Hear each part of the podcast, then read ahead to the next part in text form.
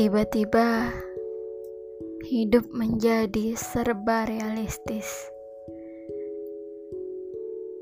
Kadang aku menyangkal kenyataan, tapi air mataku menetes sendiri.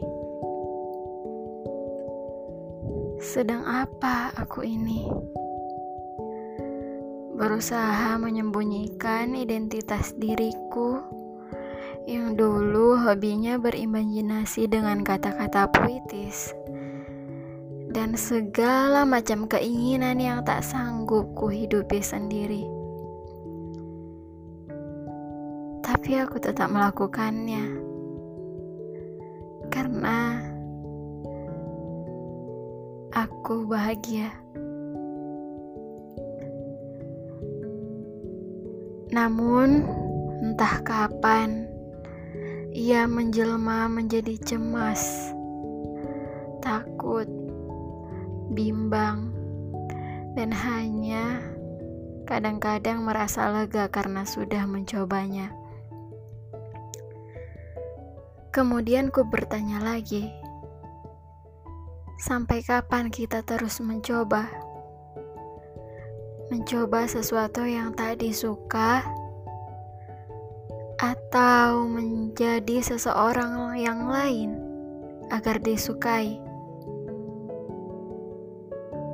Jika hidup memang hanya sekedar suka dan tidak suka, lalu bagaimana? Bagaimana akhir hidup ini jika kita sukanya mati dengan nama, tapi kejadian pahit menemui kita babak belur dengan sandiwara semacam orang bodoh yang ingin membodoh-bodohi orang bodoh yang lain?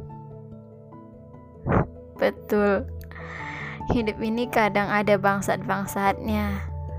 Karena mata aku terbatas.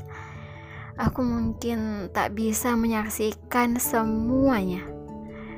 Tentang apa pun itu.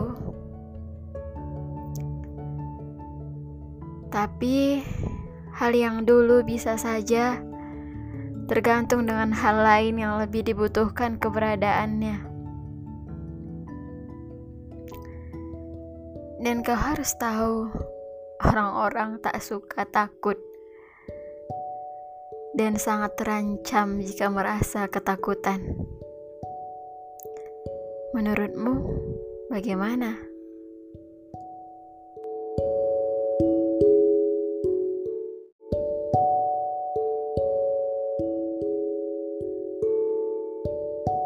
Menurutku, ya, Aku juga tidak suka dengan perasaan takut. Ada juga yang aku takutkan. Kadang lebih suka berpura-pura, semua dalam kendali. Beralasan mencari jalan lain, namun sebenarnya aku hanya takut tersandung lagi. Aku takut menyesal karena jatuh di lubang yang sama berkali-kali. Itu membuatku cukup malu dan ingin selalu menutupi kelemahanku sampai aku sadar kalau aku hanya melarikan diri. Mencari-cari entah ke sana, kemari, tempat pelarian yang paling aman. Tapi sekarang, aku sudah memilih daripada itu semua, daripada terus-menerus dihantui ketakutan. Aku lebih suka bersyukur bersyukur menenangkan. Aku punya kunci rahasia dalam kehidupanku yang selalu coba aku ulang saat semua tak sesuai keinginan. Bahwa masalah paling besar dalam hidup bukanlah tentang keuangan, bukan tentang profesi, bukan tentang teman, bukan tentang pasangan, bukan tentang tanggung jawab atas harapan, tetapi tentang perasaan.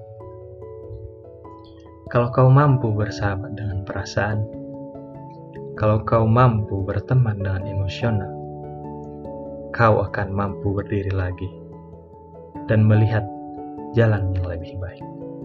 Maka, mari bersahabat dengan baik.